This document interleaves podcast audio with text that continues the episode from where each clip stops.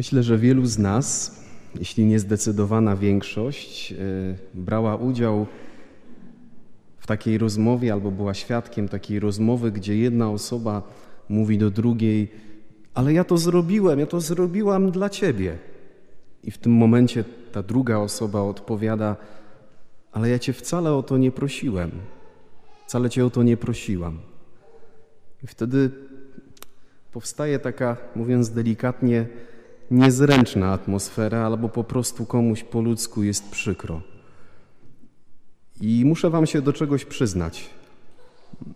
Boję się e, usłyszeć kiedyś takie słowa ze strony Pana Jezusa, że ja stanę przed Nim i powiem Mu: Jezu, ale ja to robiłem dla Ciebie. A On powie: Mateusz, ale ja Cię wcale o to nie prosiłem.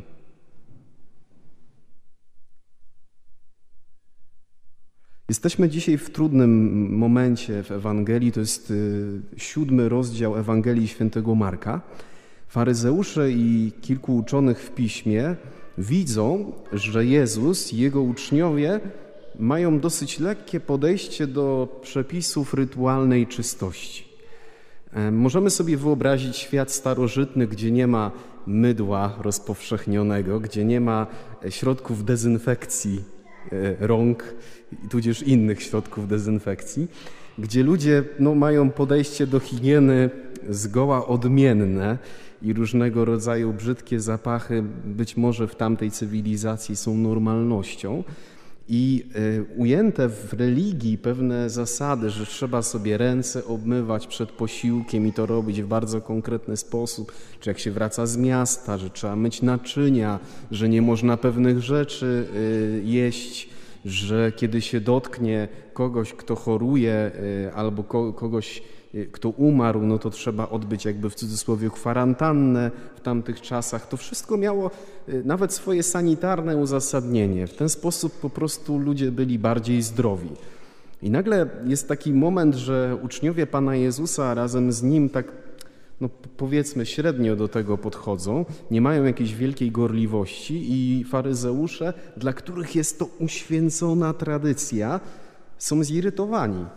I wprost pytają Jezusa, dlaczego twoi uczniowie nie postępują według tradycji, lecz jedzą nieczystymi rękami. I wtedy Pan Jezus im wygarnął. Jak On im wygarnął. Zacytował fragment księgi Izajasza i mówi do nich – ten lud czci mnie wargami, lecz sercem swym daleko jest ode mnie. Ale czci mnie na próżno, ucząc zasad podanych przez ludzi. Uchyliliście przykazanie Boże, a trzymacie się ludzkiej tradycji. Co Jezus przez to chce powiedzieć? Nie tylko faryzeuszom, ale też mi, Tobie, nam pod koniec sierpnia 2021 roku że nie wszystko, co jest opakowane dobrą wolą i pobożnością, jest tym, czego chce Pan Bóg. Ała, naprawdę. Bo czasami może się wydawać, że jeżeli y, robię coś dla Pana Boga, że mam jak najlepsze y, zamiary, no to na pewno Pan Bóg będzie mi bił brawo. Nagle Jezus mówi: Nie, bo może być tak, że coś pochodzi od człowieka, a nie ode mnie, że coś jest jakąś zasadą ludzką, że coś wynika z ludzkiej gorliwości. I zobaczcie, choć my w życiu takim codziennym mamy zmaganie i to się wiąże z jakąś trudnością, to jednak o wiele łatwiej jest rozróżnić myśl, która mnie prowadzi do czegoś wprost niedobrego. Na przykład E, weź się pokłóć z tą osobą, nie przebaczaj, e, nie rób tego, olej to, e, co tam będziesz, a jeszcze sobie pofolguj i tak dalej. I często taka myśl czy takie poczucie w sercu jest dosyć łatwo rozpoznawalne na zasadzie, aha, to mnie może poprowadzić do czegoś złego. Ale dzisiaj Jezus pokazuje nam, że o wiele trudniej jest rozróżnić coś, co wynika z mojej gorliwości, bo przecież ja chcę dobrze. Y, bo przecież, no właśnie, ktoś obok mnie kieruje się jakimś takim, no nie wiem, y, dobrym smakiem, wyczuciem, że przecież jeżeli 99 pobożnych ludzi w danej sytuacji zachowałoby się w ten sposób, tak mi się wydaje, to i ja muszę się za, tak zachować. Nawet nie muszę nad tym myśleć, ale po prostu za tym pójdę. I o wiele trudniej jest rozróżnić to, co pochodzi z mojej ludzkiej gorliwości, od tego, co pochodzi z serca Pana Boga. I może tak być, że wiele rzeczy, które robimy na ziemi, one w jakimś mierze są tym, co, o czym nas uczy, to, to, to jest dobry uczynek i tak dalej. Ale czy to jest kawałek y, tego planu, który napisał dla nas Pan Bóg? Bardzo mocno nas y, ta dzisiejsza Ewangelia prowokuje do stawiania takiego pytania. I pamiętam kilkanaście lat temu, przypuszczam, że ksiądz Łukasz jeszcze też wtedy był w seminarium, bo dzielą nas dwa lata w święceniach. Kilkanaście lat temu e, usłyszałem właśnie w seminarium z ust księdza Eugeniusza Plocha, obecnego proboszcza w Winowie, że w życiu to można robić dzieła dla Pana Boga i w życiu można robić dzieła Boże. I właśnie to dzieło dla Pana Boga, ten mój w cudzysłowie, albo nawet nie w cudzysłowie, po prostu dobry uczynek wynika z mojej gorliwości. Tak? Bo ja mam takie poczucie, że fajnie by było coś zrobić, fajnie by było zrobić to, fajnie by było odezwać się w ten sposób, fajnie by było poukładać coś w mojej rodzinie właśnie w taki sposób, bo może ktoś inny tak to zrobił, bo, bo jest na przykład taki obyczaj i tak dalej. I to mogą być dzieła dla Pana Boga. Ale ksiądz Eugeniusz zaraz dodał tak, że dzieło Boże, i to się wywodzi ta myśl z tradycji jezuickiej, że dzieło Boże rodzi się na modlitwie. Panu Bogu zależy na tym, aby zbudować ze mną i z Tobą taki rodzaj zażyłości, taki rodzaj bliskości, żeby piękne pomysły, pragnienia, marzenia, e, właśnie pomysły, takie, takie inspiracje na dobre uczynki, na to, co robić dobrego w życiu, wyrastały z mojego i Twojego życia duchowego. Więc jeżeli masz jakiś pomysł, który przyszedł Ci, dobry pomysł w trakcie mszy świętej albo w trakcie Twojej modlitwy osobistej, to istnieje realne ryzyko, że to jest marzenie Pana Boga i że to On zaraził Cię tym swoim marzeniem. Bo może też tak być, że jest wiele w głowie pomysłów, y, sposobów układania różnych rzeczy, ale one niekoniecznie są planem i pomysłem Pana Boga. I czasem nawróceni ludzie, może słyszałeś kiedyś, może sam kiedyś tak w ten sposób powiedziałeś, y, y, wypowiadają takie słowa: Mam takie poczucie albo mam takie przekonanie, i można taką osobę słuchając popatrzeć, powiedzieć: Ale ten ktoś jest nawiedzony. O ludzie. Przecież trzeba kierować się ogólnie przyjętymi normami.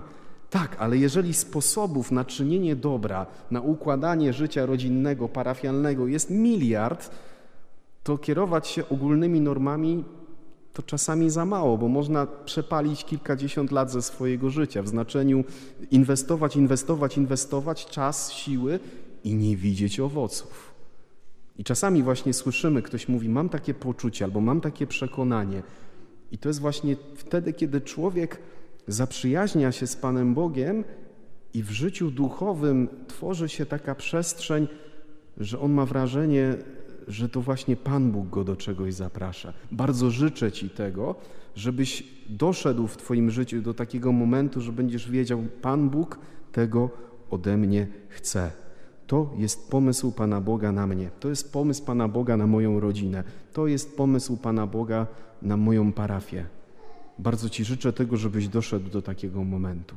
I oczywiście można pogubić się i mieć wrażenie, że to jest pomysł Pana Boga, ale z pomocą przychodzi nam sakrament pokuty i pojednania, gdzie w trakcie spowiedzi możemy zadać księdzu jakieś konkretne pytanie. Przy księdza mam takie wrażenie, że Pan Bóg chce ode mnie, albo że jestem zaproszona, zaproszony do, i właśnie y, można to jakoś zweryfikować. Wielu też y, ludzi, którzy się modlą regularnie, chodzą na Eucharystię, y, czuje przynaglenie do tego, żeby szukać sobie kierownika duchowego, czyli szukać kogoś, przed kim będzie można pewne rzeczy wypowiedzieć, właśnie porozmawiać, od, odsłonić jakiś kawałek swojego życia po to, żeby też pewne rzeczy zweryfikować. Czy to na pewno Pan Bóg chce ode mnie? Czy może jednak mi się to wydaje, że, że tak powinienem żyć, albo że tak powinienem wybrać, postąpić, zaplanować? Kochani, to jest właśnie piękne, że Jezus w Ewangelii Świętego Jana w dziesiątym rozdziale mówi: Moje owce znają mój głos i za obcym nie pójdą. I chodzi o to, żeby moje i Twoje życie duchowe stawało się coraz bardziej takim, taką przestrzenią zasłuchania w pomysły Jezusa, w marzenia Jezusa, w plany Jezusa. Bo Jezus jako pierwszy ma, ma związane z Tobą marzenia. Jezus jako pierwszy ma dla Twojego życia jakiś konkretny plan. Nawet jeżeli w tym momencie masz poczucie, ojej, już tyle głupich decyzji podjąłem. To, co ksiądz mówi, to jest fajne, ale co z tymi minionymi latami? Nie szkodzi.